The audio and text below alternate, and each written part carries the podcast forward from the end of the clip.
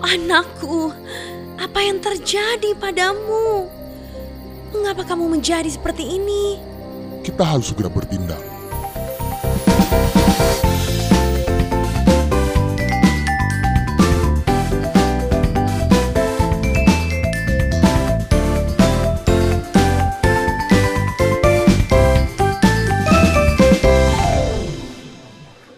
Anak-anak, konon zaman dahulu Indonesia dipenuhi banyak kerajaan dari Sabang sampai Merauke. Nah, salah satunya ada cerita dari kerajaan di negeri Luwu. Di mana itu, Bu? Saat ini kita menyebutnya Pulau Sulawesi. Siapa yang berasal dari Sulawesi? Mia tuh bu. Iya bu, aku pernah dengar ada cerita tentang Putri Tandam Palik. Betul, bukan hanya namanya yang cantik, tapi paras dan hatinya juga cantik. Ayo kita dengarkan kisahnya. Dahulu, terdapat sebuah negeri yang terletak di Pulau Sulawesi. Namanya Negeri Luwu. Negeri Luwu dipimpin oleh seorang raja yang bernama Labu Satana Datu Maungge atau sering dipanggil raja atau Datu Luwu. Karena sikapnya yang adil, arif dan bijaksana, maka rakyatnya hidup dengan makmur. Datuk Luwu mempunyai seorang anak perempuan yang sangat cantik yang bernama Putri Tandam Palik. Kecantikan dan perilakunya telah diketahui orang banyak, termasuk di antaranya Raja Bone yang tinggalnya sangat jauh dari Luwu. Raja Bone berniat untuk menikahkan putranya dengan Putri Tandam Palik, akan tetapi Raja Luwu dan Permaisuri merasa bimbang. Bagaimana ini Adinda? Dalam adat kita, tidak diperbolehkan seorang gadis Luwu menikah dengan pemuda dari negeri lain. Aku tahu, Kanda. Akan tetapi, jika kita menolak lamaran ini, akan terjadi perang dan rakyat akan menderita. Itu benar Adinda. Biarlah aku dikutuk, asal rakyatku tidak menderita.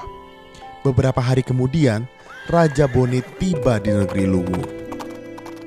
Maksud kedatangan saya ke sini sebenarnya ingin melamar Putri Tandam Palik. Apakah lamaran saya dapat Anda terima? Begini Tuan, saya tahu maksud Tuan baik.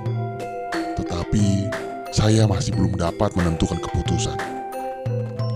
Raja Bone akhirnya mengerti dan pulang kembali ke negerinya. Keesokan harinya, terjadi kegemparan di negeri Luwu. Putri Tandam Palik jatuh sakit. Sekujur tubuhnya mengeluarkan cairan kental yang berbau anyir dan sangat menjijikkan. Oh, anakku, apa yang terjadi padamu? Mengapa kamu menjadi seperti ini? Kita harus segera bertindak. Kita harus mengasingkannya dan jangan sampai semua rakyat tertular. Anakku, apakah kau bersedia? Baiklah, aku bersedia ayah. Semua akan kulakukan demi rakyat negeri yang kucintai ini. Putriku, kuberikan keris pusaka ini kepadamu, tanda bahwa kami tidak membuangmu. Terimalah.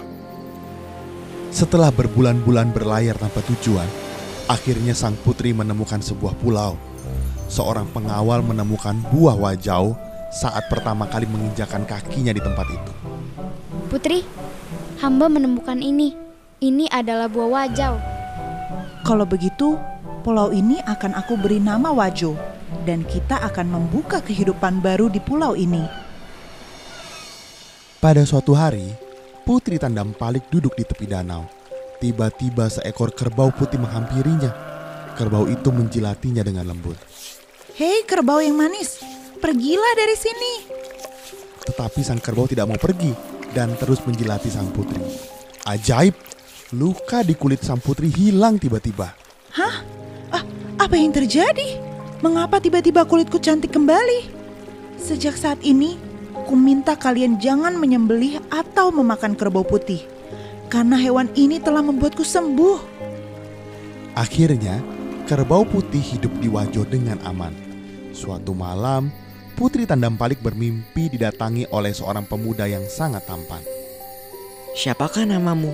Dan mengapa putri secantik dirimu bisa berada di tempat seperti ini? Wahai pemuda, siapa dirimu dan dari mana asalmu? Sebelum aku menjawab, maukah kau menjadi istriku? Sebelum Putri Tandam Palik sempat menjawab, ia terbangun dari tidurnya. Sementara Nun jauh di Bone, putra mahkota kerajaan Bone sedang asik berburu. Ia ditemani oleh Andre peguru pakan rangi. Saking asiknya berburu, putra mahkota terpisah jauh dari rombongan dan tersesat di hutan. Di kejauhan, ia melihat seberkas cahaya. Di sana ada cahaya. Mungkin saja di sana ada orang yang bisa menolongku. Betapa terkejutnya ia ketika melihat seorang gadis cantik sedang memasak air di dalam rumah itu. Gadis cantik itu tidak lain adalah Putri Tandam Palik. M- mungkinkah ada bidadari tempat asing seperti ini?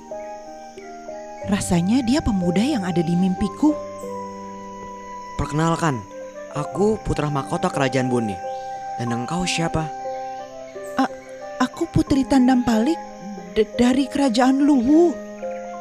Setelah beberapa hari tinggal di desa tersebut, putra mahkota kembali ke negerinya karena banyak kewajiban yang harus ia selesaikan di istana Bone. Namun setibanya ia di Bone, ia selalu termenung dan memikirkan Putri Tandam Palik. Rasanya aku ingin tinggal dan menetap di Wajo bersama putri Tandam Palik.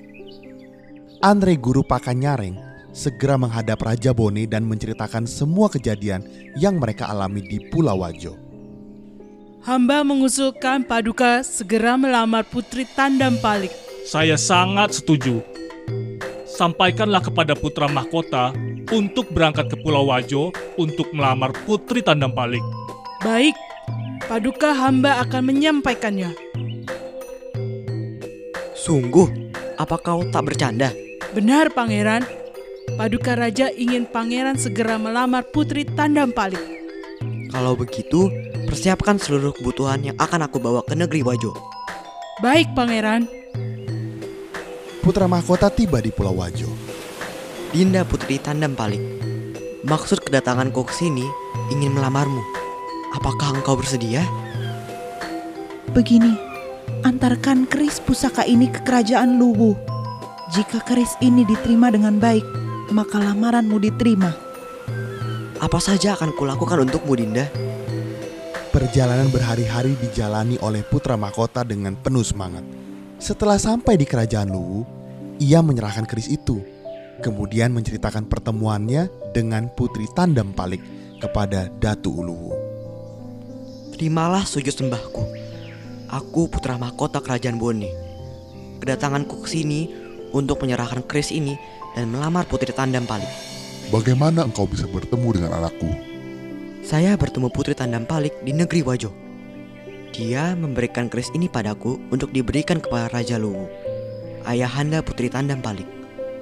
Jika keris ini diterima dengan baik, maka lamaranku diterima. Bagaimana ini Dinda? Saya sangat suka dengan seorang pemuda yang gigih, bertutur kata lembut, sopan, dan penuh semangat. Baiklah, saya menerima keris itu. Berarti lamaran saya diterima. Ya benar, lamaranmu diterima. Tanpa menunggu lama, Datu Uluwu dan Permaisuri datang mengunjungi negeri Wajo untuk bertemu dengan anaknya. Pertemuan Datu Uluwu dan anak tunggal kesayangannya sangat mengharukan. Datu Uluwu dan Permaisuri merasa bersalah karena telah mengasingkan anaknya. Sehingga Permaisuri pun meminta maaf kepada Putri Tandam Palik. Akhirnya Putri Tandam Palik menikah dengan putra mahkota Bone dan dilangsungkan di Pulau Wajo.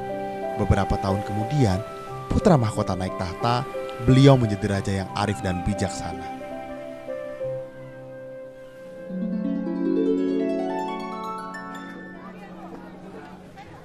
Ada yang mau jawab tidak?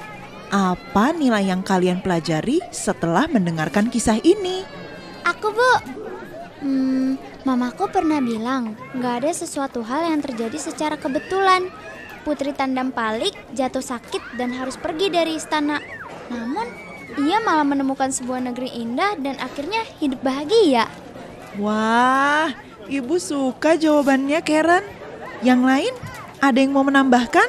Aku bu, kalau jodoh nggak akan ke mana bu. Bagus. Bagus.